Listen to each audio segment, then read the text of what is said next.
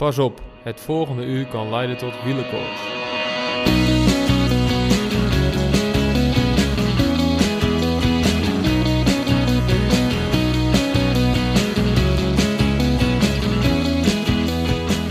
Als je aan jonge sportmensen denkt, dan denk je niet direct aan de dood.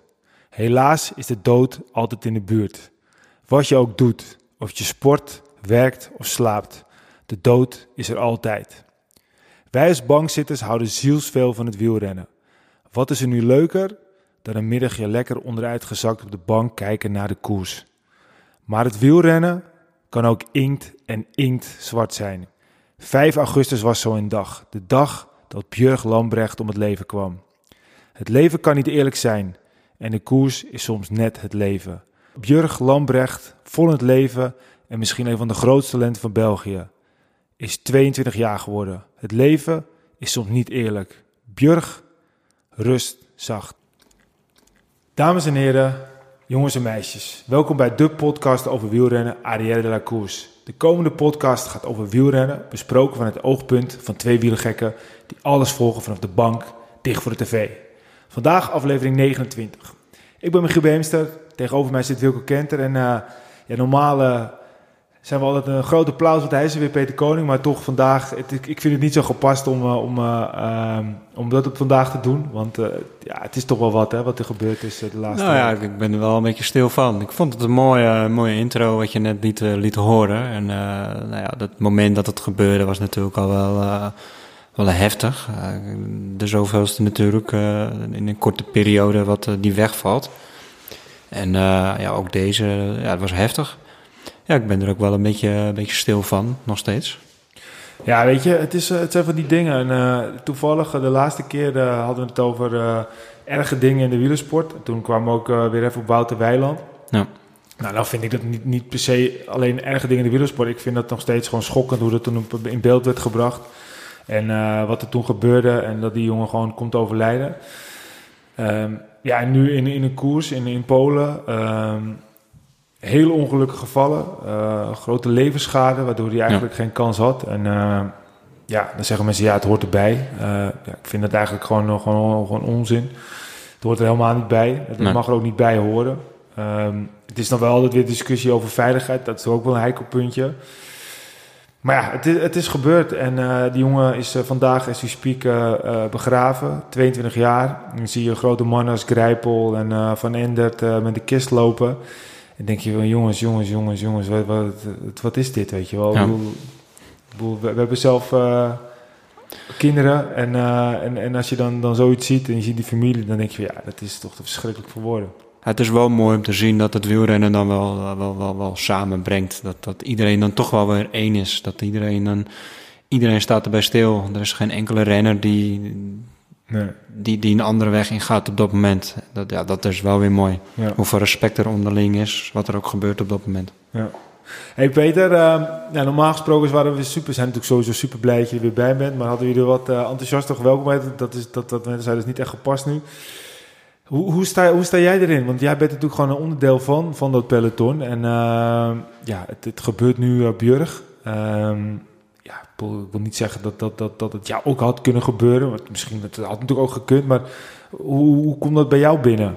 Ja, verschrikkelijk natuurlijk. Hè? Dit, uh, ja, het heerst echt in de wielersport dat het best wel samenhorig is. Dat is een hele kleine wereld natuurlijk. En als er dan zoiets schokkends gebeurt, dan... Uh, is het gewoon een hele grijze zwarte deken die over het hele peloton heen gaat. En dan, ja, iedereen die raakt dat natuurlijk heel diep. En vooral een jonge jongen. En uh, hij was nog, was nog een klein veentje ook. Dus ja, dan, dan ja, dat doet toch altijd net iets meer misschien dan als het iemand is die iets grover gebouwd is. Want ja, hij was ja. gewoon, hij zag er ook kwetsbaar uit. En ja, dit is on, ontzettend triest wat er gebeurd is. En zo zie je maar hoe kwetsbaar we zijn in de koers. En dat we altijd goed op moeten letten. Maar ja. Zowel ook binnen de koers als buiten de koers, op training, dat je altijd maar uh, scherp moet blijven en uh, ja. op moet letten. En hoe, kom, hoe komt dat dan op dat moment bij jou binnen? Is het dan ook zo dat in het wielerwereld het onderling uh, al meteen breed uit wordt gedeeld, om het zo maar te zeggen, van nou, er is wat gebeurd jongens en laten we bidden, tenminste mensen die willen bidden, dat er niks aan de hand is? Of wordt er niet zoveel over gesproken? Wordt er eigenlijk nou, stilzwijgend geaccepteerd? Ik denk het allebei wel, hè? want uh, de koers wacht op niemand. Dat zeggen ze wel eens vaker, maar dat, dat gebeurt ook echt. Hè? De koers die wacht niet. En je ziet dat er overal een minuut stilte wordt gehouden en overal wordt respect gehouden voor de renners en voor de ploegmaten. Maar de koers gaat wel gewoon door. En ehm, ja, je denkt erover na, je spreekt erover en uh, je staat er even bij stil. Maar je kan er ook niet te lang bij stilstaan, want je moet wel gewoon gefocust zijn in de koers. En als je Ja. niet gefocust bent, dan, ja, dan kan je zelf ook vallen. En Ja.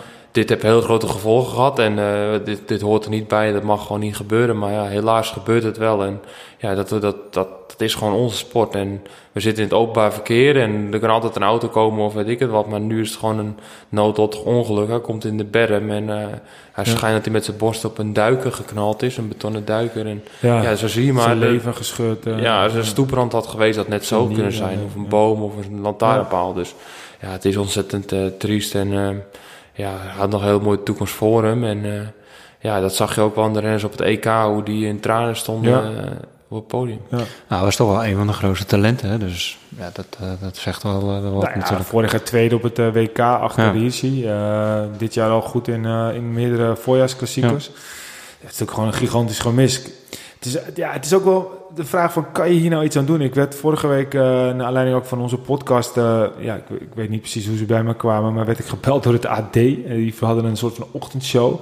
En eh, die hadden nog iemand nodig die dan iets kon vertellen over, eh, over het wielrennen... en, eh, en ook met name hoe het peloton ermee omging. Ik zeg, nou, ik weet niet of ik daar nu de juiste persoon voor ben... Maar hij stelde mij toen die vraag. Ik ben uiteindelijk ook niet gegaan, het was in Rotterdam. Dat best wel een stukje rijden. Maar hij stelde me die vraag van... Hoe zou het wielrennen nu veiliger gemaakt moeten worden? Ik zeg, nou, ten eerste instantie, nogmaals... Ik ben niet de persoon die daar eh, iets over kan zeggen. Ik ben zelf geen wielrenner en ik heb ook niet zo heel veel verstand van veiligheid. Maar ik vertelde hem wel toen het volgende. Dat wil ik ook even met jullie eigenlijk gewoon delen. Eh, Niet zo lang geleden ging ik met Peter eventjes een rondje Markenmeer doen. En dan, ja, dan zit je gewoon op zo'n fiets. En dan denk je van, ja, weet je, als je op je, op je waffel gaat, ja, je, je valt hard. Eh, Ja. maar, maar dat is iets wat wielrenners altijd meemaken. Maar toen dacht ik toevallig van, ja, oké, wat, wat zou je dan moeten doen? Eh, eh, wat, wat zou je, hoe zou je jezelf kunnen beschermen? Je hebt een helm op. Maar ja, als zo'n auto eventjes... Was bijvoorbeeld een momentje dat we in, in, in Monnikendam reden. En, en er was een Duitser en die Duitser gaat naar links. Die rijdt bijna tegen Peter. En dan Peter, die, alsof het de normaalste zaak van de wereld was, reageert erop en rijdt zo weer verder. Ik, wow, weet je, ik schrok ervan. Maar, maar stel je voor dat er dan in zo'n situatie iemand heel wordt aangereden. Ja, wat kan je dan als wielrenner jezelf beschermen? Dat, je bent gewoon heel fragiel op zo'n fiets. Ja. Het enige wat je misschien zou kunnen doen is een soort van... ehm, ja, dat iets uitklapt of zo als je valt. Maar, maar, maar, maar ik denk dat jij dat beter eh, kan zeggen, Peter. Wat, wat, wat, wat, is er wat aan te doen in jouw ogen? Kijk, in de koers is sowieso heel moeilijk. Hè? En ehm, ik zeg altijd, je moet die helm op. Dat is één. Draag een goedgekeurde helm. Dus een helm die dus gewoon goedgekeurd is en niet een eh, Chinese ja, van Alibaba. Of eh, als je een keer gevallen bent met je helm, gelijk vervangen voor een nieuwe. Want als je een gebruikt helm mee gevallen bent, er zit een scheurtje in en die zie je niet.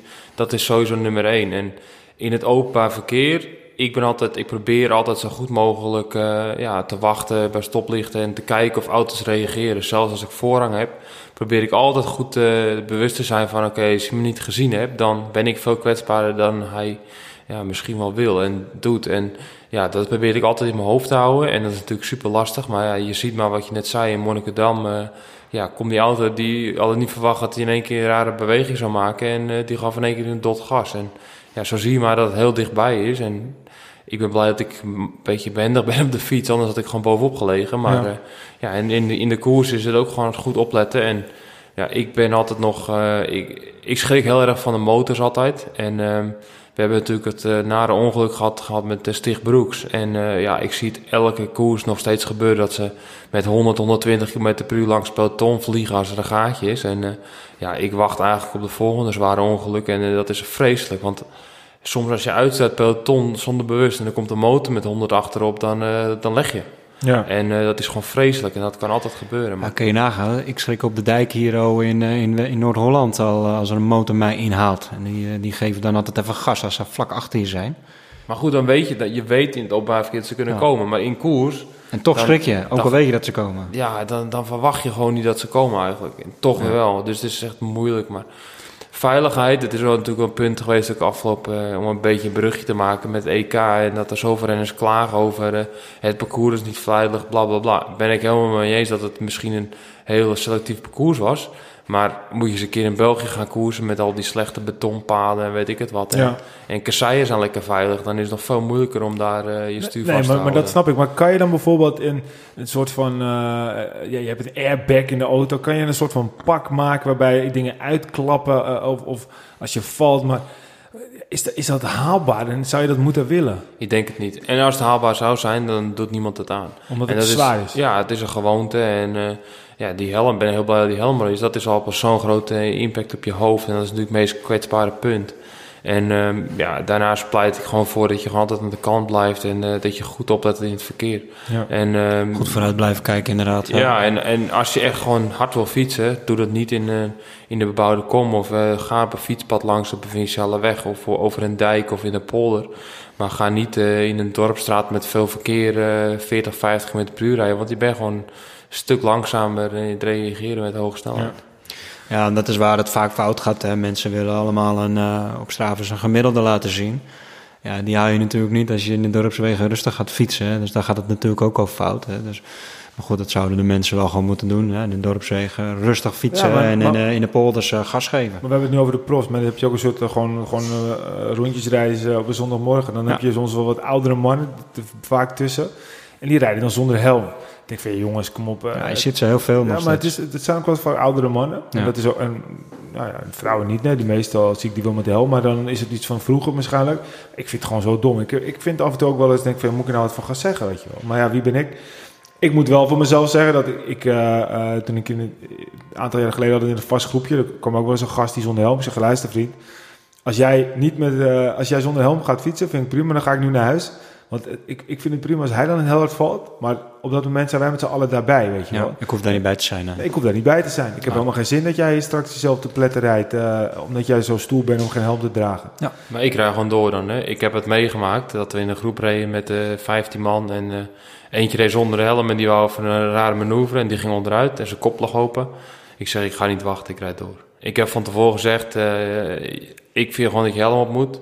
En als je niet helm op moet, nou, dan was ik die beide handen snotneus. Ik zeg, ja, ik ga niet wachten als er wat gebeurt. En dan is heel erg. En er stopt altijd wel iemand natuurlijk. Want niet daar als, dat, als ik de enige was geweest dat ik hem had laten liggen. Ja. Maar er waren genoeg mensen. En ik had zoiets van, ja, eh, eigenwijs. En, eh, ja, ik vind Ja. het, vond het gewoon niet... eh, ik vind dat niet kunnen. En dan over veiligheid. Wat mij altijd erg stoort is nog steeds bij de beroepsrenners dan... is dat ze afdalen op de bovenbuis. Je hebt gewoon... eh, je gaat veel hogere snelheden en... Het is gewoon heel... je hebt minder controle over je fiets. Je hoeft maar iets op de weg te leggen van een steentje of een... eh, maar dat zouden ze toch gewoon kunnen verbieden? ik vind dat ze dat moeten verbieden. En ik, ik stom me maatloos aan, vooral eh, als we geloste groep hebben die op 10 minuten rijdt. En dat er nog een paar van die apen tussen zitten die dan eh, op een bovenbuis gaan zitten. En dan een beetje bijtrappen en dan net altijd goed gaat. Want dat wordt niet gefilmd. Hè? En, nee, nee, nee. en ik zeg, er gaat er nog een keer iemand zo hard onderuit met 80, 85 km per uur. en dan hopen we dat hij het na kan vertellen. Ja. Ja, jongens. eh, Het hoort er niet bij, maar het is, het is wel een onderdeel van. En het is, het is eh, eh, gewoon verschrikkelijk. En laten we hopen dat de familie van Björg eh, ehm, ja, het, het, kan verwerken. En ja, ik denk dat, het, dat het, net zoals met Wouter Weiland, het zal, het zal nooit uit het wielrennen verdwijnen. Ik vind het ook iets moois hoe Wouter Weiland nog altijd wordt geëerd in de Giro. En ik hoop dat de Ronde van Polen het ook op deze manier zal doen. Zodat dat in ieder geval Björg altijd herinnerd gaat worden. Ehm, een jongen die natuurlijk zo pril in zijn carrière stond, zoveel dingen had kunnen bereiken. Ehm, ja, het is, gewoon, eh, het is gewoon verschrikkelijk. Maar zoals het leven ook altijd doorgaat, gaan wij ook eh, natuurlijk gewoon door. Ja. Ehm, en ja, Peter, je bent natuurlijk terug. Het is een beetje een stom bruggetje natuurlijk, maar ja, je bent terug. Eh, je hebt een heel lange tijd in China gezeten. Een flinke koers gereden en veel getraind. En ja, volgens mij heb je wel best wel wat dingetjes beleefd daar. Oh man, vertel mij wat. Echt, eh, ja, ik ben in King Lake geweest, eh, China. En ehm, ja, dat ben je tegelijkertijd met Tour de France. Dus ik heb hoop van de mooie dingen moeten missen. Maar ik heb eh, de podcast natuurlijk teruggeluisterd. Maar eh, ja, ik kom in een of andere verbazing daar in China. En eh, ja, we hadden een hele mooie doelstelling om eh, met Wouter Wippert eh, een paar sprintoverwinningen binnen te harken. En eh, natuurlijk makkelijk gezegd dan gedaan. Maar eh, ja, dat bleek ook zo. Want eh, ja, Wouter gaat, komt te vallen in de derde, vierde rit. En ehm, ja, hij breekt twee ribben achteraf. En eh, daardoor heb ik gewoon heel veel moeite gehad om de sprints echt goed op de, de, de rails te zetten. En ehm, voor persoonlijk ging ik heen met een eh, ambitie om een goede tijdrit neer te zetten. En eh, voor mij was het de eerste keer echt koers boven de 3000 meter. En eh, kom ik in die tijdrit, wat gemiddeld op eh 3100 meter was ongeveer. En rijd ik gewoon een hele goede tijdrit voor mij doen op een eh, zelfgemaakte Ja, fiets. dat, dat moet je even uitleggen, want je werd uiteindelijk tweede die tijdrit. En, Ja. en er was een Australiër die eigenlijk, die, ja, die won dik. Ja, Maar ja, die, die is voor hem is het wat makkelijker om vanuit eh, Australië die kant eh, zijn tijdritfiets op te krijgen dan voor jou. Want, want jouw tijdritfiets was gewoon je wegfiets met een soort van opzetstuur. opzetstuur. Nou, het was nog mooi. Hè? Het was eigenlijk een reservefiets van onze kleinste renner in de, in de groep. Echt Daar waar? reed ik op. Want een tijdritfiets is normaal iets kleiner dan een wegfiets. Dus ik had een extra small frame gepakt. En normaal rijd ik op een large frame. En eh, daar heb ik een stuurtje op gezet. Zodat ik extra diep kon zitten. Dat ik extra laag. Dus Ja, want je had voor jezelf zomaar één fiets meegenomen. ja, ik had gewoon een echte reservefiets mee. En daar, Kon je dan wel gewoon je, je, je benen kwijt op dat ding? Ja, want ik had het zo afgesteld dat ik op precies hetzelfde af zou zitten als op mijn tijdfiets eh, thuis. En ja, dat is natuurlijk een beetje een trucje die ik eh, ja, wel goed heb getoverd. En ja, om te komen op het materiaal hebben we gekozen om daar eh, een, een ploegentijd te doen van 30 kilometer geloof ik. En een individuele tijd van 40.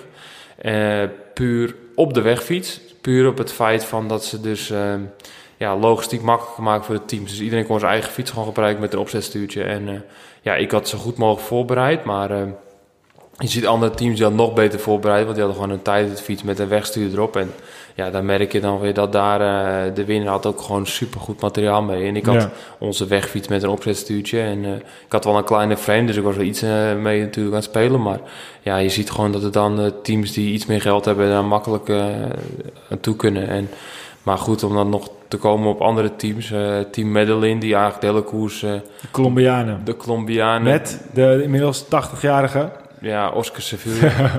Eh, ik heb nooit dit gezien. Ik, eh, die jongens hebben alle dagen op kop gedomineerd. En die zie je in de tijdrit met twee washandjes om het stuur heen getaped. eh, als tijdritstuurtje gemaakt. En die wordt gewoon derde. En ja, ik heb echt dingen gezien. Met zeg, wacht, wacht, wacht. Met twee washandjes om het stuur. Ja. Dus ja, normaal heb je gewoon een steuntje waar je elleboog in ligt, zeg maar. Maar hij eigenlijk, hij had niks. Dus hij heeft het washandje om zijn stuur heen gedukt. Hij had wel gewoon een lichtstuurtje. Dat had hij niet. Hij had alleen gewoon eh, twee washandjes op zijn stuur gedaan. En eh, puur het feit van dat hij wel iets, iets te steunen had. En eh, ja, daar ja, was gewoon bizar om te zien. En die En werd uiteindelijk derde. die werd derde. En die wonnen de ploegentijdrit met twee minuten voorsprong op de nummer twee. En die hadden echt veel betere fietsen en materiaal dan hun. En ja, hun vlogen bergop. En eh, elke etappe, denk ik van de ploegentijdrit tot de laatste rit... zijn ze vanaf kilometer 1 op kop gaan rijden. En gewoon vol gas als ploegentijdrit zijn en nooit rustig aangedaan. En ze hebben gewoon altijd gewoon knijterhard op kop gereden. En wij denken, ja, dit kan nooit. Maar, maar wat, wat is jouw gedachte daarbij dan? Nou, als deze in de Tour de France starten, dan eh, winnen ze dik. Tour de France winnen ze dik. Ja, nou goed. Ik, je mag niet speculeren, maar het, het was, ze deden echt gewoon veel en veel harder dan ons allemaal. En waren dat allemaal Colombianen? Of waren dat Ja, ook andere... Sevilla staat er ook bij, dus. Ja, oké, maar de, de grotendeels in die ploeg is natuurlijk Colombiaan. Ja, Vorig jaar gebeurde precies hetzelfde met Postebon eh in dezelfde koers. En eh, een aantal renners van Postebon zijn overgegaan. En eh, nu het team Medellin en eh, ze deden eigenlijk precies Maar hetzelfde. Posterbon is ook eh, opgegeven door te veel dopinggevallen, toch? Ja, precies. Maar goed, er zijn dus heel veel, eh, er is gewoon heel veel prijzengeld. En ik heb jullie ook een staartje toegestuurd dat er gewoon, ja, als je het een beetje goed doet, gewoon dik met een ton naar huis gaat. En ik geloof dat hun ook zoiets rond de 100, eh, 110, 120.000 Zo. euro eh, mee naar huis nemen.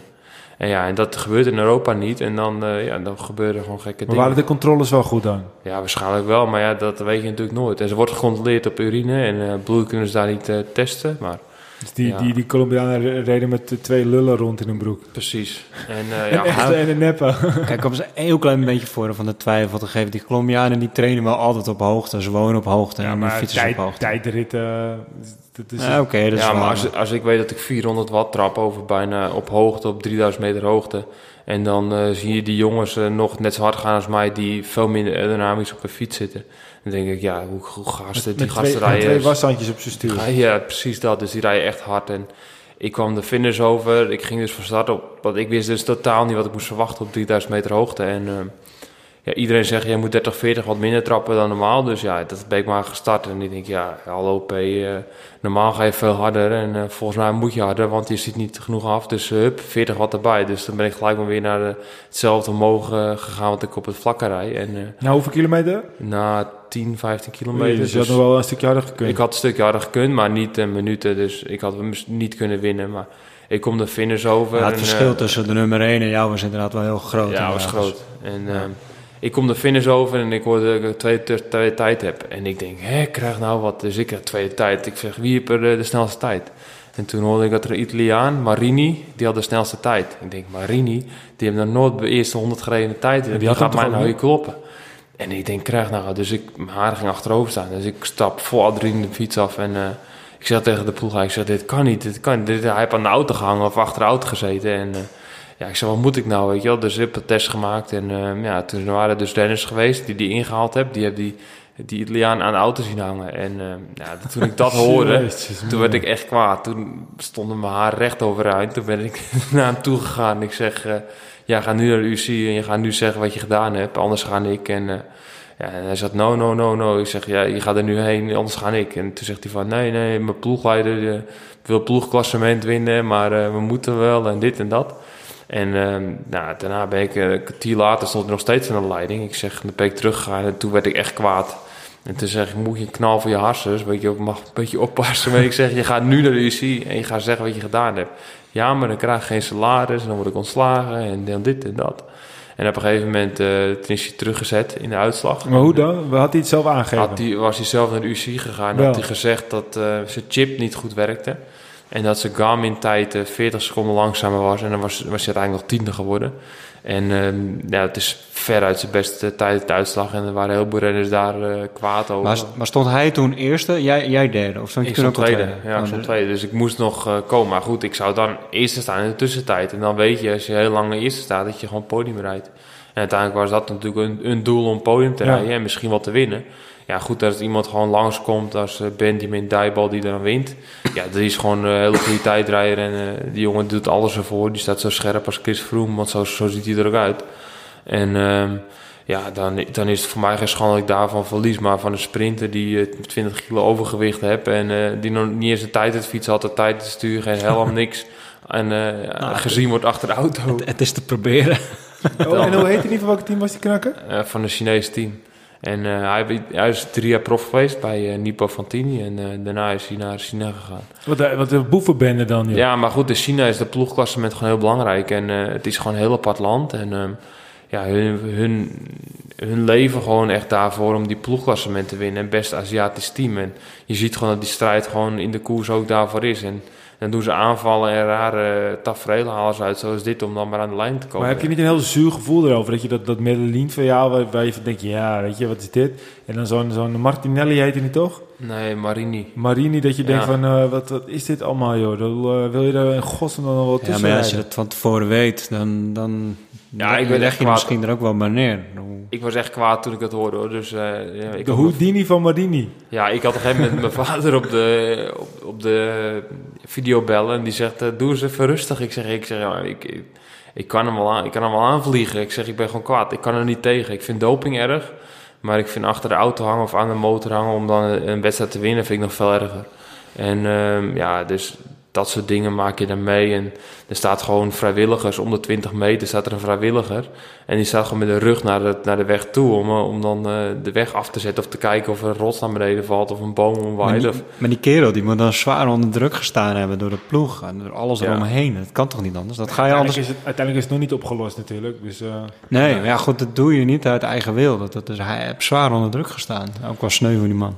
Precies, en dan ja, dat soort dingen maak je gewoon mee daar. En uh, ja, we, wat ik zeg, we zijn teleurgesteld over de etappes die we gedaan hebben. Want ja, we hadden echt wel hoge ambities om een paar ritten te winnen. Want Wouter, gezien in dat veld, moet hij gewoon uh, verder de beste zijn. En moet hij gewoon een paar keer een rit kunnen winnen, zo niet meedoen. En hij had gewoon zoveel last van zijn ribben dat hij gewoon zijn kracht niet kwijt kon. En dat kon ik heel goed zien. Op een gegeven moment een dag nadat hij gevallen was, toen uh, ik sliep op de kamer met hem, moest hij gewoon uit zijn bed getild worden, bij wijze van, en op de fiets getild worden om uh, een beetje vooruit te gaan. En ja, op de fiets gaat het altijd wel, maar ja, lopen is gewoon beroerd met je rib en je heup en dat soort dingen. En, ja, het was te- al met al gewoon teleurstelling. En eh, ja, Azië is niet echt wat voor mij. Ja, het is wel, ik ben er heel een beetje stil van. Ik denk van, wat, wat is dat nou voor verhalen, joh? Dat, eh, nogmaals, dan Medellin, die, die, die sneller rijdt dan elk team uit de Tour. Eh, de Houdini van Marini. Maar grappig dat je dat... Dan je- daarna moet je dus gewoon nog een aantal etappes rijden. En dan weet je gewoon, dat, dat, dat klopt hier niet. Dat, dat gebeuren allemaal Ja, dingen maar ik die vraag niet... me echt serieus, hoe sta je daar tegenover? Want aan de andere kant, ze, ze stelen eigenlijk ook gewoon van je. Want dat, dat bedoel ik. Dat vind ik gewoon, dat, het, zit, Ja. het knaagt wel. als, ze, als, ze- als, daar met, een- als zij met een ton naar weg gaan, bedoel, een ton van jullie team is natuurlijk gewoon... gewoon Ja, maar je doet er niks aan. Als de controles niet optimaal zijn, dan doe je er niks aan. ja, maar als die jongens met twee, eh twee piemels rondrijden in de broek, dan... eh, Ja, je zou bijna zeggen van je moet zelf dan ook gewoon lekker meedoen. Het, Nou het is ja, niet het goede. Het is absoluut niet het goede. Maar als je daar wil winnen, dan ja, of je kan beter veel beter thuis blijven. Maar Ja, ja, het is echt, ik vond echt, ik heb echt mijn ogen open staan. Ik heb dit nog nooit meegemaakt. Ja, zo erg. Dit, maar, waar, waar dit, is er dan nog een verhaal waar je denkt, ja, dat, dit- dat kan ik ook wel even met de luisteraars delen? Nou ja, ik denk het. eh, oh, poef, hoogte. Hè? Hoogte is sowieso iets heel geks. Want eh, op een gegeven moment eh, dan gaan we naar 3800 meter, 3900 meter hoogte. En dan zaten op een plateau en eh, we rijden een berg op en we rijden 20 km per uur. Met een vermogen van 250 watt. Dat ging eigenlijk helemaal niet hard. En dan heel langzaam ga je hoger en hoger. En dan zie je in één keer hele peloton, allemaal stukjes. 1, 1, 1, 1, 1, 1. En ik krijg nou, wat, eh, wat gebeurt hier? Was dat jij toen? eh, En toen, ik zat met Wouter een beetje achterin, want ik zou bij hem blijven voor de massasprint. Ik dus altijd een beetje bij je sprinten blijven. En ehm, ja, dat je op hoogte rijdt. Hè? Je gaat omhoog en je rijdt voor een massasprint. Ja. ja, kan je ook maar niet goed, voorstellen. Dat is, dat is heel gek. En dan, eh, dan, zie- dan voelt het net of iemand bij je keel grijpt. En dat je dan denkt, eh, ik krijg geen lucht meer. En dan wil je er snel uit, maar je gaat nog hoger. Je kunt niet gelijk naar beneden. Dus je kan eigenlijk niet ademhalen. Dus je moet rustig blijven. En eh, dan kijk je even naar voren. En dan rijden er acht Colombianen op kop. En die rijden gewoon weg van de hele peloton. en dan denk je, hallo, en dan- die hebben gewoon geen moeite. En dan snap ik wel, hun wonen op hoogte, dus hun zijn er misschien beter aan gewend dan ons. Dat is allemaal supergoed, maar als het vlak gaat in een eh stratenparcours en wij rijden 50 aan het uur, dan eh, rijden we gewoon 500 watt. En dat doen jochies van 60 kilo ook. Ja. Wat een belevenis, hè, man. Maar heb je er wel een goed gevoel over zo de laatste weken? Ja, ik ben, je, ben je in vorm? Ja, ik had wel... kwam Beetje, terug. beetje ziekjes kom je terug, hè? Ja, iedereen kwam terug uit China. Ik denk dat half peloton ziek was. eh keelontsteking, ja, echt gewoon infectie aan de luchtwegen. En ik had er ook een beetje last van. En nu gaat het wel beter, maar eh, zoals gisteren, eergisteren reed ik slag om Norg. En eh, ja, toen voelde ik wel heel klein beetje nog dat ik verkouden was, maar mijn benen waren gewoon goed. En eh, ja, met iets meer geluk dan rijd ik gewoon een korte uitslag. En nu Ja, ik, een ronde top 20, hè? Zat je ja, ik zat 23 rond de of zo? 20, Ja. maar ik heb gewoon een inhaalslag proberen te maken. En ehm, ja, ik voelde me goed en ik heb gewoon plezier gemaakt. En ik heb ook wel plezier gemaakt in China, maar ja, met eten en zo, met mijn rookworsten en daarna net blikken, er kwam me geen neus Alles was op? Alles was op. Nou, dat was een heleboel, want we hebben je koffer gezien wat Ja. er allemaal in zat. Koffers, er zat eh, koffers. koffers, inderdaad. Er zat genoeg proviant in. eh. Maar had je die willen missen? Nou ik, nou, ik had niet willen missen. Weet je, ik, koers gewoon veel te graag. Hè? En eh, het is wel echt een mooie koers. Want de koers zelf, dat is gewoon super mooi. Die hoogte, dat is gewoon echt moeilijk. Maar de koers zelf is gewoon mooi. En de hotels is niet altijd alles. Het is gewoon oké. Het is niet slecht. Eén nacht eh, zagen we de ratten rondlopen. Maar eh, voor de rest valt het wel mee. Oké. Ja, maar je rijdt wel gewoon eh, twee weken op, op locaties waar wij eh, als, eh als wielerliefhebbers nooit gaan komen. Dus Nou ja, niet Het is ook wel- liefhebbers, maar uh, misschien is liefhebbers in het algemeen kom je niet zo snel op dat precies, dus het is ook gewoon een mega mooie ervaring wat je gewoon Ja, meepakt. het, het is, wat mij altijd gewoon opvalt is dat Chinees... De mensen in China zijn gewoon echt, echt geprogrammeerd als robots. En eh, ja, dat vind ik gewoon heel apart om te zien. Dat ze de vraag waarom bijvoorbeeld niet kunnen daar. En dat er gewoon... ja, mensen misschien mogen me corrigeren als het wel zo is. Maar eh, wat ons uitgelegd is daar... Als bijvoorbeeld de snelweg afgezet wordt voor de wielenkoers... Dan gaan ze niet vragen waarom is die dicht. Dan zeggen ze oké. En dan gaan ze verder. En als je bijvoorbeeld, eh, we hadden een klein eh, vrachtwagentje en een grote vrachtwagen. En de grote koffers moesten in de grote en de kleine en de fietsen mochten in de kleine. Maar op een gegeven moment moesten we zo vroeg starten dat we zeggen, nou misschien is het makkelijker om gewoon alle grote ook in de kleine te doen. Past makkelijk, want de vrachtwagen is zo zat.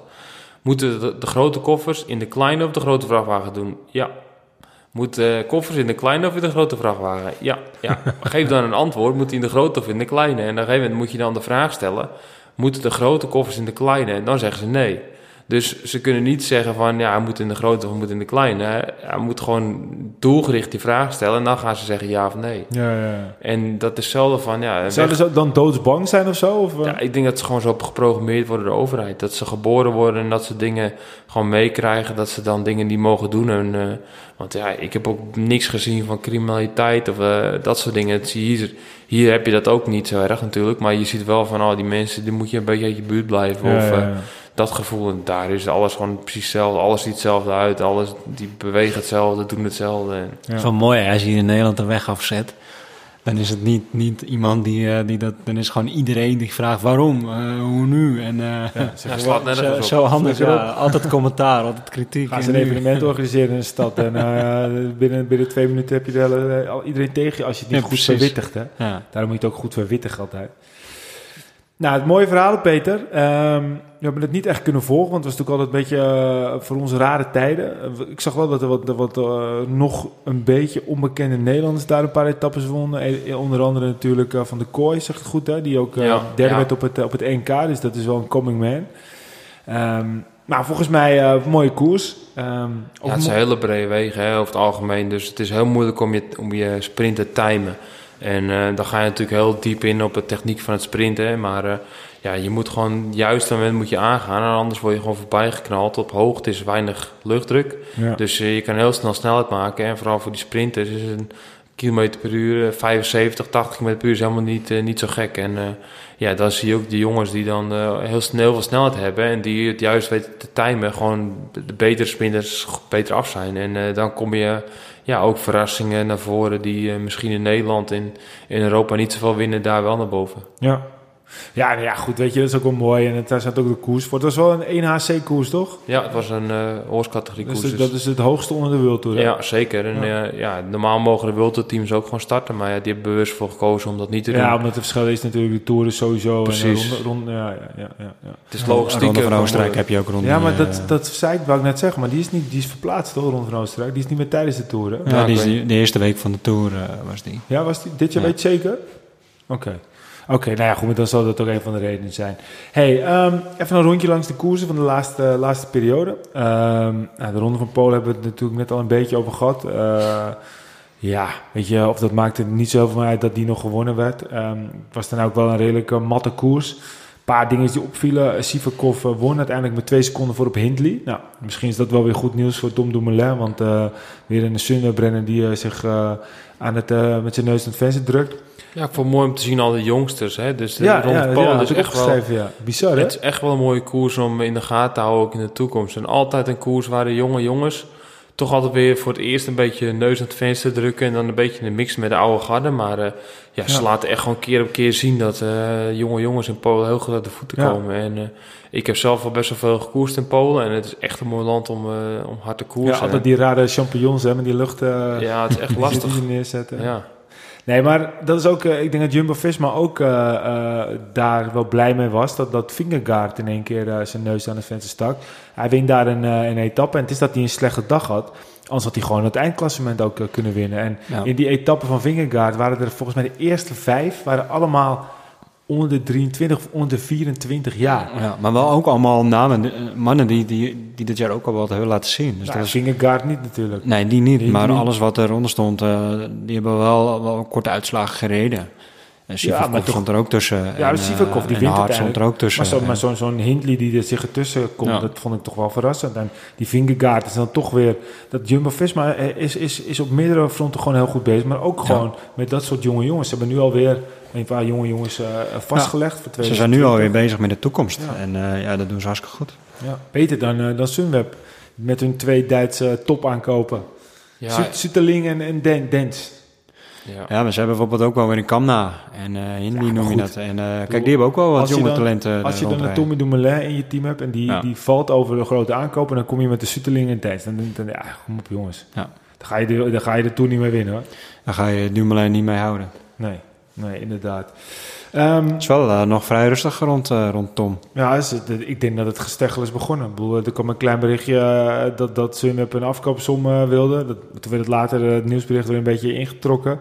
Maar ja, dat is natuurlijk gewoon het verhaal. Ze willen gewoon geld zien. Ja, tuurlijk. Kijk, hij, hij is gewoon een, gigagrote renner. En uh, ja, daar moet ook gewoon wat tegenover staan als je nog een lopend contract heeft. Maar ik hoor ook wel steeds, uh, ik dacht altijd dat Sunweb een hele geoliede machine zou zijn. En uh, waar alles netjes geregeld is. Maar ja, weet je, als iets niet goed gaat, gaat ook de e-put een beetje open.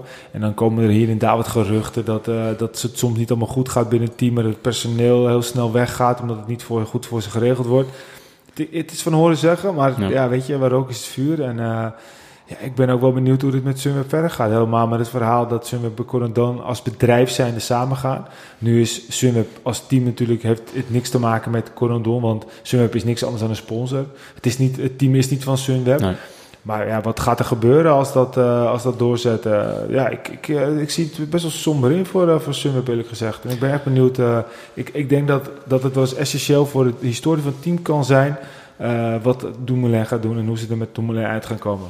Nou, één ding wat zeker is natuurlijk, kijk, uh, goede klimmers die gaan naar Sunweb als Tom Dumoulin er ook nog rijdt, als Tom Dumoulin weg is.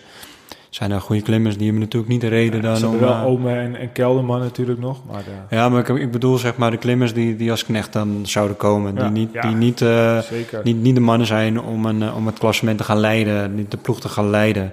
Ja. het wordt minder aantrekkelijk natuurlijk voor de jongens om die kant op te gaan. Ja, dan wordt het een moeilijk verhaal. Kijk naar Jumbo-Visma. Kijk, als jij eh, één of twee toppers hebt met Roglic en, eh, en Kruiswijk...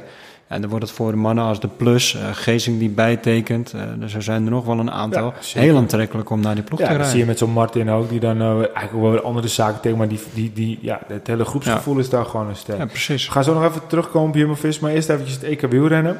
Bij de dames de tijd het natuurlijk, eigenlijk zou je bijna zeggen, gewonnen door Van Dijk. en op, ja, het gewoon op de weg, om het zo maar even te zeggen, geen tijd het Pietersen. Uh, het was een beetje een rare koers bij de vrouwen. Uh, even naar de, naar de wegwedstrijden gaan. Um, het was eigenlijk leek op een gegeven moment rijdt Nederland nou tegen Pietersen. Maar uh, Vos vertelde het op het eind eigenlijk wel, wel goed wat er nu aan de hand was. Wat ze eigenlijk wilden, is dat ze dachten dat Pieter zich zou sparen. Maar dat ze wel druk van achteruit wilden houden. Zodat dus de andere twee bleef, zouden blijven rijden. Ja. Nou, het pakte eigenlijk goed uit, want ik denk dat Pietersen gewoon verder de beste was. Ja, ik denk van, van tevoren af was ze misschien wel de beste van de drie in mijn ogen. Maar ja, ik snapte de tactiek eerlijk gezegd niet echt. Ik snap de tactiek wel dat je het hard wil maken en dat hebben ze heel goed gedaan. Maar op een gegeven moment dan uh, ga je achter Emia rijden en dan, ja, dan is het meer een beetje paniekvoetbal, vind ik dan. Ja, vond je, ik kon me er wel in vinden dat ze die nou, druk van achteruit wilden houden. Zodat ja, dat, ja, duidelijk zijn, er waren geen oortjes. Hè? Dus nee, daarom. Het, het is, alles is ook niet helemaal duidelijk natuurlijk. Forst die vertelde het natuurlijk heel mooi, maar ze weten ook niet alles in de koers. Nee, maar dat zei ze ook. We ja. wisten niet wat, wat, wat, wat, want zij wist dus niet dat Pietersen mee aan het rijden was. Zij had verwacht ja. dat Amy Pietersen dus niet te veel uh, werk zou doen. En dat ze van achteruit ja. die druk zouden houden, zodat die andere twee zich leeg zouden moeten rijden. Precies, en maar ook dat misschien... is goed bedacht, toch? Ja, maar weet ook je, de achterliggende gedachte om de rest in het peloton ook niet te veel laten sparen. Om die ook gewoon op de max te nee, laten maar rijden. Ik, ik vind, als dat echt de gedachte zou zijn, ik vond ik het goed bedacht. Ja, maar weet je wat het is? Dit is gewoon een situatie wat Nederland heeft. Heb gewoon zo'n sterke ploeg. Dus wat er ook gebeurt, wat voor scenario er ook uiteindelijk uitkomt, dat scenario praten ze mee naar voren. En nou zegt Marianne dit, maar als wat anders was gebeurd, had ze wat anders gezegd. Als ze niet hadden gaan rijden, zegt ze, ja, wel, Amy, eh, dat vertrouwden we wel. Dus het is altijd een beetje mooi weer praten ja, natuurlijk maar ook. Dat, dat is het misschien En uh, weet je, ik snap heel goed dat ze Amy hebben laten rijden. Want ja, die rijdt ook al jaren rond en die krijgt gewoon een mooie kans. En uh, ik vind gewoon verdiende winnaar. Ja, nee, sowieso. Ze was ook uiteindelijk veruit de sterkste. En ze heel, uh, dat had ik niet, niet verwacht. Wist je trouwens een... dat uh, die Italiaanse, dat dat uh, de vriendin, nou ja, nog geen vrouw van, van Viviani is? Ja, wist oh, ja? Ja, zo grappig. Die hadden een goed weekend. Ja, een heel goed weekend. Niet, niet, dat dat voor de rest heel belangrijk is, maar ja, weet je, ze waren er met z'n drieën. En ja, ik bedoel, als Pieters niet had gewonnen, was er een rel geweest. Net zoals vorig jaar toen tijdens het EK. Waardoor, uh, wanneer een Italiaanse won en niet uh, een Nederlandse. Maar dat reden ze eigenlijk achter van de breg ook aan. Eigenlijk dezelfde soort situatie. Ja, dat is het. Dus het is echt gewoon een beetje paniekvoetbal, vind ik. En uh, ja. ja in dit geval. Maar ze zijn zo goed. Ze hebben gewoon acht, eigenlijk misschien wel de acht beste rensters in het peloton. Ja. En uh, ja, dan moet je winnen. En als je dan tweede wordt, of wat, wat, wat er gebeurt, dan is het echt gewoon hij zijn. Ja, en anders had Wiebes ook redelijk makkelijk gewonnen, denk ik. Ik vond uh, Demi uh, Vollering vond ik erg, erg goed rijden. Ja, maar Zoveel werk als die had verricht, als jongeling. ja, dat, ja, maar uiteindelijk is Wiebes gewoon de beste sprinter met van de wereld. Ja, zeker, ja. ja. Die heeft het ook bewezen op het NK. die, die, die, die pakt Ja, maar goed, dus het is ook een beetje moeilijk. Ik bedoel, want bij een sprint weet je bijna 100% zeker, 99% zeker dat zij wint. Dus het is ook moeilijk. Het is ook een moeilijke situatie. Al, al had ik het toch wel willen zien. Hè. Als, als Force ook gewoon eh, volop voor de sprint was gegaan. En het was zover gekomen. Nu had Force geen kopwerk doen. Dus het was van tevoren al duidelijk dat hij niet voor de sprint zou gaan. Maar Force in haar goede vorm op dit moment had ik het ook nog wel willen zien hoor. Of die, eh, of die het ook moest afleggen tegen Wiebes. Ik had het wel moeten willen Nou zien. ja, ja, ja, dat deed ze tijdens de Europese. Dat is wel een beetje. Je hebt dan de Europese kampioenschap en je hebt de Europese Spelen. Ja. De Europese Spelen werden gewonnen door Wiebes en de Europese kampioenschap werden gewonnen door eh, Pietersen. Ja. Maar dan zag je ook een sprint dat eh Vos en, eh, en, en Wiebes gewoon samen en toen won Wiebes. Maar Ja. dat terzijde. Dan naar de mannen. Ja, onze Remco Evenepoel wordt gewoon even Europees kampioen op zijn negentiende.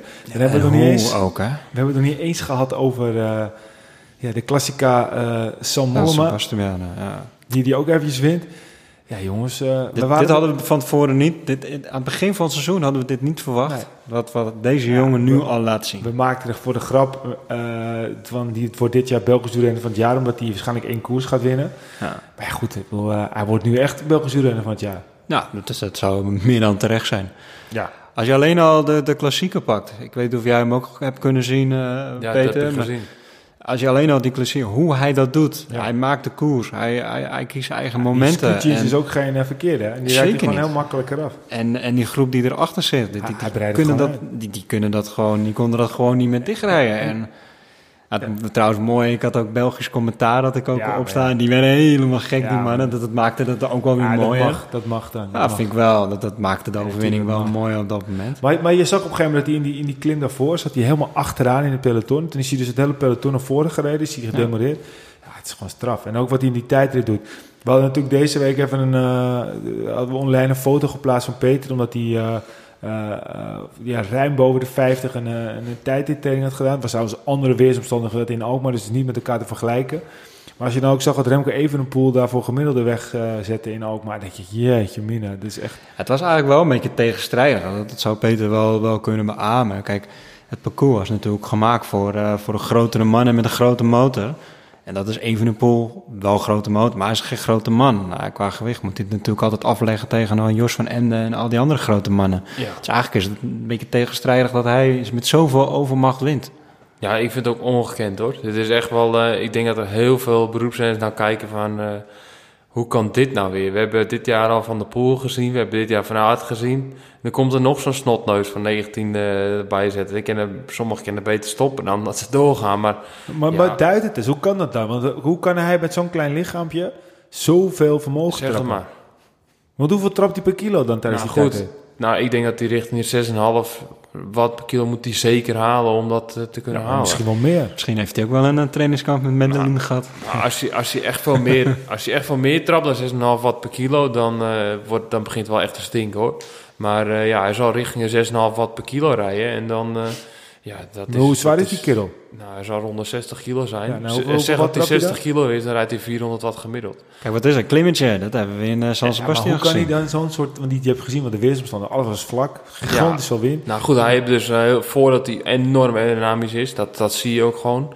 En als je met 400 watt eh, 54 gemiddeld gaat rijden, dan gaat hij de komende jaren, als je dit laat volhoudt, gaat hij altijd ritten winnen die er zijn. Ja, in die junioren heeft hij het natuurlijk laten zien. Hè? Hij won alles met de overmacht. Eh, om, hij was ver, ver, Ja, maar ver uit de beste. Hij, hij, hij, hij wordt maar beter en beter. Want tijdens Ja. het, het, het, het pas net, hè? Ja, maar tijdens het Belgisch kampioenschap werd hij gewoon werd dus hij eigenlijk, derde. eigenlijk zo'n potentie wat hij toen liet zien, dat weet hij heel goed, op dit moment heel goed om te zetten eh, in, in de resultaten bij de Maar eigenlijk, als je dan gewoon kijkt, als hij dan dit soort wat thuis heeft, is hij op dit moment dan de beste tijdrijder van de wereld. Ja. Het is echt, echt, Nou, Belgisch kampioenschap kwam hij er niet aan te pas. Ja, maar andere, Ja, andere seizoensplanning, hè, weet je, hij gokt Ja. echt op deze periode en dat heb je supergoed gedaan. En Ja. kijken naar, naar de andere Europese kampioen Viviani, die doet het precies hetzelfde. Die wint in Londen, die wint hier en die wint de laatste week in de Tour rijdt hij goed, rijdt hij op kop Nou, van ze, hebben, ze hebben van tevoren gezegd dat Evenepoel die rijdt het EK en absoluut geen WK. Ik eh, ben Ja. benieuwd of hij het tijdrit eh, WK mag gaan rijden. Want als hij zo eh, in Ja, het zijn EK wel naar de hand hem, maar ja. Ja, de, Ja, soap, maar ja, dat is zo Maar het- voorzichtig. de WK-titel ligt bijna voor het oprapen, joh. de soap is wel begonnen, laat ik het zo zeggen. ja, Ja, maar Dennis... het is een beetje net als met Van der Poel. Weet je, hij moet keuzes Ja, maken maar- en hij maar- wordt gestimuleerd. maar- en toch gaat maar het het eigenlijk nog WK-wereldtitel niet. ligt ook gewoon voor het oprapen. Ja. Dennis, weet je, ja, wat is, de, wat is daar met de hand? Ja. Dumoulin is er niet. Van haar doet niet mee. Thomas is er denk ik op dat moment ook wel. Roglic. Misschien dat Tony Martin eh, nog een hele goede dag Ja, heeft. maar. Roglic moet je ook niet Goeie, vergeten. goeie Roglic. Roglic is misschien wel de grote favoriet. Ja. Maar dan uh, die uit de in, deze vorm, wat hij nu heeft laten zien. Ja, laat het hem ook nog zien op het WK. Ja, maar, maar als Roglic eh, een Vuelta rijdt en Roglic eh, eh, komt net zo vermoeid uit de Vuelta dan als, als uit de Giro, ja, dan moet hij ook maar eens, die gaat hij hem ook niet, eh, wordt ook geen wereldkampioen dan hoor. Maar wie weet volgend jaar, hè, de stappen die hij nu maakt, hè, dan wint hij volgend jaar de Tour volgens mij. Tja. hij, is wel, hij is wel echt... Ja, maar stel, echt heel goed, ja, maar stel dat het gaat gebeuren, dan is het gewoon nog, nog zuurder voor Dumoulin wat er allemaal gebeurd is. Hè. Of Bernal. Ja, maar Bernal heeft al een Toeroverwinning. Ja, maar goed, die was wel de jongste nu, 21. Dan wordt hij op zijn Oké, 20ste. maar dan heeft hij altijd, als hij, als hij 80 is, heeft Ah, hij... maar dan gaan we nou wel echt vooruit. Maar ik denk dat als dat echt gaat gebeuren. Ach dan- joh, mannen, er is ooit een Spanjaard in de naam van Carlos Sastre. Er is een Australiër, eh, Cadel Evans, eh, de Ja, maar Thomas. die- Allemaal op een latere leeftijd die in de Tour winnen. Dus Ja, Tom die Dumoulin kan tijden nog waren er geen eh, jongetjes van 19 jaar die eh, even 400 watt wegtikten. Nee. En voor hetzelfde geld heeft uh, Evenepoel volgend jaar een dip, omdat hij met zijn leeftijd en alle roem komt naar hem toe. Tom, Tom Bonen heeft ook een, eh, een mindere periode gehad, omdat Ja. alle roem, alle, alle En- rotzooi en naar hem toe ik, kwam. ben ik helemaal met je eh, eens. En die brug gaan we straks zeker even slaan. We gaan eerst nog heel eventjes de, de kampioen op de weg, Viviani. Ik heb, een, ik heb veel meer respect voor hem gekregen. Wat een mooie koers. Ja, maar Wat- ook gewoon twee sprints die ontsnappen. Ja, wat ik eigenlijk als eerste wil benoemen, is, is, is dat ze van tevoren waren er twee koersen, de vrouwen- en de mannenkoers. En beide koersen waren neergezet als, als een, een sprintkoers. En gewoon beide koersen eindigen niet als sprint. Dat vond, dat vond, ik, dat vond ik mooi om te zien. En eh, dat dat parcours was echt gewoon een heel mooi parcours. Tim, moet- Tim Merlier kreeg ook een beetje babbels. Eh, die eh, werd natuurlijk ook als een van de favorieten neergezet. En die had gezegd, ik vind dit een EK-onwaardig parcours. Ik denk, kerel, Dat is absoluut niet Maar waar. kerel, ik bedoel, het is hartstikke goed dat jij Belgisch kampioen wordt. Het is hartstikke goed dat je het goed doet. Maar wie ben jij om te zeggen wat een EK-waardig parcours Ja. is? Als je nou Greg van Avermaat heet en je, hebt, eh, rijdt al 130.000 jaar rond.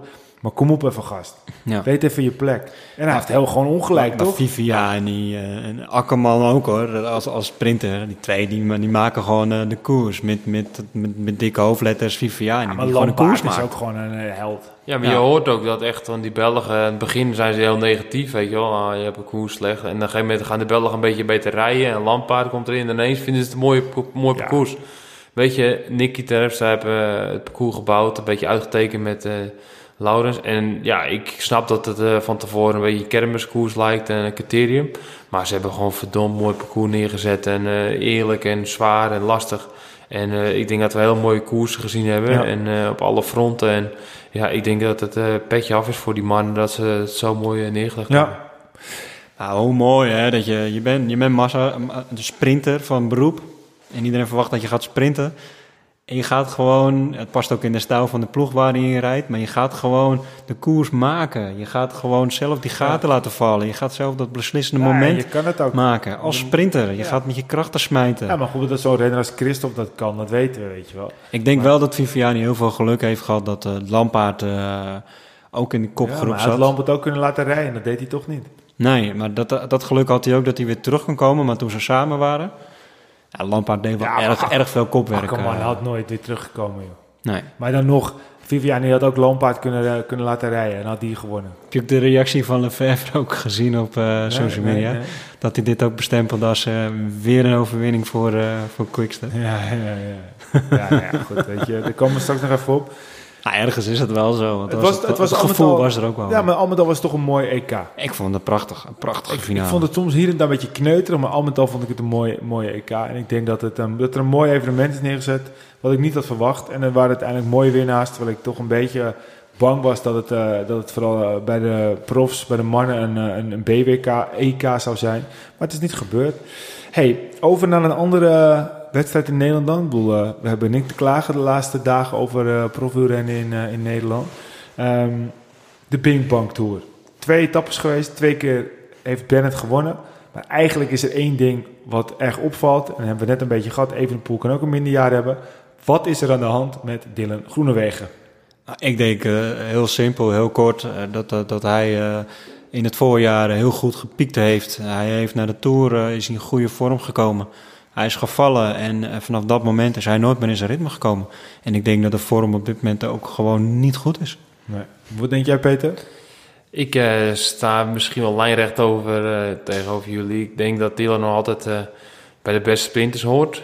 En sprint is meer dan alleen maar een beetje hard fietsen. Het is natuurlijk timing en het gevoel en eh, een beetje in de juiste flow zitten. En eh, als je ziet eh, hoeveel overwinningen Jumbo heeft dit jaar en wat perce- percentage die naar Dylan gaat. Volgens mij heb hij 11 of 12 overwinningen dit jaar al. Dus ja, hij heeft gewoon een verschrikkelijk goed seizoen. En als het dan een keertje minder gaat, dan wordt hij natuurlijk gelijk op afgerekend. En eh, ik denk dat hij ook een eh, hele goede tour gedaan heeft maar één rit gewonnen, maar ja, hij valt. En eh, niemand weet eh, hoeveel last hij daarvan gehad heeft. En misschien heb je wel heel de tour eh, echt last van gehad. En dat kon ook wel zien de laatste paar dagen in de tour met de Champs-Élysées. Dat hij een beetje mooi weer spelen. En dan zie je dat hij toch wel last heeft gehad van die val. En ja, dan neem je dat zijn hele wedstrijd mee. En hij heeft er nu gewoon steeds last van. En, eh, Ja, maar, dan klopt dat toch dat hij uit vorm is. Ja, maar, maar, Ja, dat, maar- dat- maar dat snap ik wel. Alleen ik snap ik denk niet dat er echt wat mis is. Ik denk dat hij gewoon eh, minder, eh, dat hij niet even in die juiste flow zit. Ja, maar hij vindt het veel te lekker om nog steeds het mannetje te zijn. Want ik, ik- als je dan niet in de juiste flow zit, dan kan hij ook laten zien dat hij een teamplayer is. Teunissen, die wordt gewoon, de eerste etappe wordt hij derde. En je ziet gewoon dat hij inhoudt, inhoudt, inhoudt, inhoudt, inhoudt. Waarom is Groenewegen, stapt hij niet over zijn Ja, maar eigen ego heen? Dan zegt Eigenlijk zeg je dat zelf al, Peter. Als iemand niet de flow heeft, dan, dan dat betekent dat je niet in vorm maar bent. waarom Want stapt een sprinter die wel eigen- die flow heeft, die is in Ja, topvorm. maar dan moet hij toch over zijn eigen ego heen stappen en zeggen, we rijden vandaag voor Teunissen. Maar dat is een topscorer. Kijk, een topscorer die, wil, die zet ze in het veld om te scoren. En dat is hetzelfde met wielrennen. Ze zetten hem neer, ze rijden voor hem. Ze gaan er met het plan voor de koers. Dus de eerste dag gaan ze in de koers. Oké, we gaan ritten winnen met Groenewegen. Dus dan de eerste rit is voor hem. En dan, hij voelt zich goed, zegt hij. Dus ja, dan moeten we aannemen dat hij dat goed voelt. Dan ga je de tweede rit ook gewoon voor hem rijden. En hij zal nu, na de tweede rit, zal hij misschien zeggen... Oké, jongens, ik heb het niet. Eh, ik ga proberen nu voor eh Teunissen te doen. En als je dat ik gaat hoop doen... het. Dat, dat zou hem dan-. Kijk, gisteren, gisteren had hij inderdaad het excuus, want die, die, die rennen van Gisteren is Trek... de eerste etappe. Ja, gisteren was eh, de eerste etappe. Eh, had hij inderdaad het excuus dat die renner van Trek, die, die, die, die, die, ging heel gek van zijn lijn af. En die gooide echt de deur dicht voor Groenewegen. En dat was op het moment dat ook Bennett aanging en Groenewegen wilde ook aan. Nou ja, de, snelheid was weg. Maar vandaag, hij werd, hij werd door Teunissen gewoon perfect vooraan afgezet. En je ziet hem gewoon wachten totdat die anderen gaan. Maar een goede Groenewegen, dat heeft hij vaak genoeg laten zien. Die had op dat moment als Teunissen wegstuurt, had zelf aangegaan en had er een lange, krachtige, sterke sprint van gemaakt. En dat deed hij nu niet. En hij kwam gewoon belangen nou niet Nee, maar dat is, in de snelheid dat- die, nou, die, maar die, dat is dus die duidelijk. Maar dat is sprinter. Maar we dat zullen, is de- sprinter. we zullen dus de komende dagen zien. Als hij over zijn eigen ego heen stapt en hij zegt: Oké, vandaag is het Teunissen. Ik ben benieuwd. Dat zou wel sieren, maar ja, ik denk niet ook dat hij het nu heeft, dat hij in de beste vorm is. Maar nogmaals, eh, als je het toch nog weer over eh, rennen moet hebben, de beste sprinter van het seizoen is dat steeds, nog steeds Groenewegen. En, eh, Ja, maar Bennett komt aardig in de buurt nu. ja, nou goed, eh, misschien ook houdt het al een aardig ja, maar die heeft ook een heel goed voorseizoen gehad. Ja, daarom. Bennett. Die houdt het al een aardig tijdje vol. Maar ik vind Groenewegen nog steeds de betere sprinter. Ja. Hey, Alleen over, Groenewegen heeft de Tourzege en Bennett die heeft geen Nee, grote ronde heeft, die heeft geen kans gehad ook om... Nee. Nee, dat klopt. Hey, om uh, eventjes eh, over eh, van sprints pak overwinningen. De tussenstand. Ehm, het was natuurlijk al de strijd tussen Astana en de Koning Quickstep. Nou, dat is het natuurlijk al lang al na niet meer. Peter, Quickstep, hoeveel overwinningen? Wat denk je? Oef. Nou, als EK meetelt, eh 50 of zo. 54. hebben ze 54. inmiddels. Dat betekent Oh, eh, plus 5 met de laatste keer dat we het eh, Veel twee podcasts geleden opnoemden. De nummer 2, Ja, dat is Jumbo. Ja, ja, is gedeeld nu hè. Met Jum- Bora. Jumbo-Visma en Boren en die hebben er 39? 40. 40. Ja. Dus zowel Jumbo-Visma heeft natuurlijk met Vingegaard er één bij en eh Boren heeft er maar liefst zes bij de laatste periode. Ja. En hoeveel heb Astana daarna? Ehm, Astana die staat daarna en die heeft er 30. Ja, 30. 30. Mr. Scott plus 1 op 28 en dat is een nieuw binnenkomer in het rijtje. En eh, ik ben wel Met- benieuwd of jij weet wie dat is. Madeline. ja, het zit wel hoog. Monkey Town. hoog. Ja, ja, weet jij? het? Nee, ik Ja, weet het verrast mij een beetje. Maar dat is Israel Cycling Academy. Israel Cycle, ja. Die heeft eh 22 overwinningen. Dus Ah, dat, dat is natuurlijk ook- wel dat nog steeds knap, eh, hoor. Dat is goed, ja. zes minder dan Mr. Scott. Maar eh, ja, Dat is wel heel knap hoor. Pro-Continental team. En, eh, ja. Ja. Misschien iets minder eh, rondjes, maar dat maakt zeker niet uit. Nee. Winst maar eens. En eh ja en ze weten lacht het ja lastig in, die ronde waar jij reed hebben ze natuurlijk ook veel gepakt. Ja, Ja, ja ze- rijden. Precies. Ja, daar wonnen ze wat. En eh, ze wonnen geloof ik in Baltic Chain Tour een paar ritten. Ja. Maar eh, Ja, hey. Maar ik wil nog wel mijn eh, moment van de tour eigenlijk delen. Want ik had die podcast hier Ja, teruggeluisterd. op je bent wat- gewoon te laat, jongen. Je was er Ja. niet. Dat is gewoon een gemiste kans. Nee, Nee, je nee, mag, nee, je mag nu, nu wat, wat veel verderop. Dus eh dan nou, mag jij helemaal, helemaal losgaan. Dan is het niet te lang. ik haal niet te lang. ik zeg het, het moment, mijn rit, mijn mooiste moment van de tour is dat Nibali de rit wint. En vooral gezien... dat-. Onze vriend Nibali. Dus jullie kraakten een beetje af. Ja, we slecht toe, bla bla bla. Zoiets was het. En ik denk, jongens, kom op. Ik zeg, hij wint eigenlijk de rit in de Tour. Waar het, Kort, kort ritje. het was een korte rit. Iedereen zegt, de kopgroep rijdt niet weg. Dus wat gebeurt er? Krijgt de kopgroep weg. Nibali zit erbij. Die krijgt een korte voorsprong, 1, 2 minuten. En dan blijft gewoon verdomd hele peloton voor. Als je de plus hebt zien boren. En die andere jongens, die hebben gewoon volle bak gaan gereden om een klassement te maken. Die hebben echt nergens weer iets laten liggen. En dan rijdt de good old Nibali, blijft gewoon in zijn eentje ervoor. Wint gewoon die rit, wint twee ritten. Die rijdt gewoon alles op een hoop. En dan denk ik echt, what the fuck gast. Ik zeg, jij bent echt nog wel. Van een ander niveau. Toch vind ik het gewoon echt een Duitser. Ja, kijk, Ja, weet je wat het is? Maar het is wel... Nee, ik snap Ja, je kijk, je punt. hebt renners die zijn vriend van de show. En je hebt renners die kennis zijn van de, van de show. En Nibali is kennis van de show. En geen is vriend van de show. Kennis. Kennis. Kennis. Kennis. Kennis. Ja. Het is echt, je Ja, maakt hij een stukje de kennis wielers... worden hoor, Nibali. Ik denk, eh, als, als Nibali hier aan tafel zou zitten, dat ik zo uh, zou uh, weg zou. Maar je hebt wel gelijk. Dit was, Nee, het dat was een prachtige overwinning die hij daar uh, Qua prestatie, als je echt gewoon puur de wielerprestatie kijkt in de rit, was dat wel echt mijn moment eh, die ik denk Nee, van, maar ik, ik, snap het wel. Als je het zo analyseert, dan, dan begrijp ik je punt wel. Kijk, wij keken op dat moment misschien iets te veel naar eh, het verhaal achter die wedstrijd. Maar ja, weet je, ik vind het gewoon... hij- Ik vind, hem, ik vind Nibali... Ja, weet je, hij is gewoon niet... niet eh, hij is, sportief is het verkeerde woord, maar hij, ja, maar kom op, hij wint in alle, hij heeft alle grote rondes gewonnen. Hij wint overal een paar ritten. Ja. Hij laat gewoon weer zien dat hij er nog... Hij is, wel, Ja, maar- hij is ook niet de jongste meer, hè. En, eh, Nee, maar dat, dat is hij sowieso niet. Maar je hebt, je hebt gewoon een soort goodwill voor sommige renners. Zoals bijvoorbeeld eh, een renner waar, waar veel goodwill voor is, dat is een Sagan. En als je dan een Nibali daarnaast zit, denk je, ja, weet je... ja, maar gezien zijn palmares moet je wel een bijna goed voor hem hebben.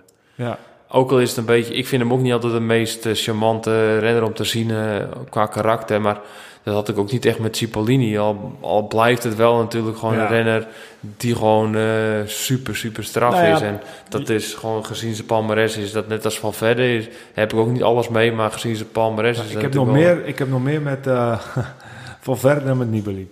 Maar goed, nee, goed dat je je punt nog even maakt. Viel er verder nog iets op?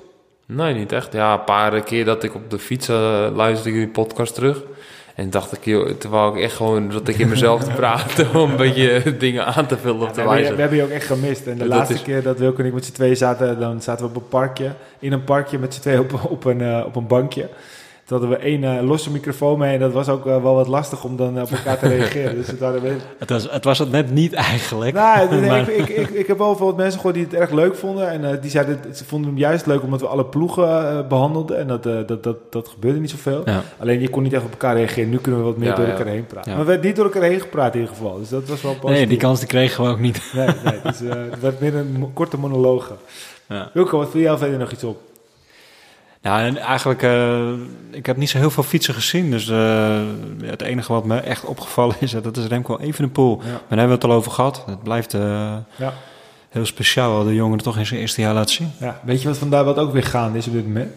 Nou? Dat is de ronde van Portugal. Oh ja, ik las het ja. Dus over Valt, over Medellin Portugal, en, ja. en twee piemels in je broek gesproken. Ik denk dat, eh, dat daar ook weer genoeg gaat gebeuren. Nou, we, we- wij zouden oorspronkelijk deze gaan rijden, aanvullend achter China. Maar eh, dat heb ik heel snel uit het hoofd gepraat. Want ik zat, er wordt gewoon eh, no- net hard gerezen in China. Dus eh, daar hebben we weer niks te zoeken. En eh, ja, ik zeg, laat het beter herstellen en focus op de laatste wedstrijden. Want Aankomende zondag een mooie wedstrijd toch in Normandië? klopt, ik ga zondag naar Mandia toe. En dan die woensdag erop in Veenendaal. Dus eh, ja, goed, eh, ik heb al zin om koersen. te koersen. Ja. Ja. Hey jongens, we gaan afsluiten. Ja. Ehm, mensen die nog steeds ons eigen wielenbiertje willen proeven, die kunnen ze nog steeds bestellen via www.koerspret.nl. Eh, voor de rest, volg ons zeker eventjes op eh, Instagram, Facebook, allemaal Arielle La Koers, Twitter. Eh, blijf ons volgen. Als jullie het leuk vinden, kunnen jullie ons ook een recensie geven. Je tikt even een vlieg hier uit de lucht, Wilco. Ja. Hoppa. Dat doet, doet gewoon eventjes. gewoon scherp, hè? Ja, ja, jongen, kijk eens. Mes scherp. Maar ehm, ja, laat even een recensie achter op je iTunes. Volg ons daar ook. Dan kun je elke keer weer zien als we een nieuwe podcast hebben gemaakt. Bedankt voor het luisteren. En tot de volgende Arrière de la Koers.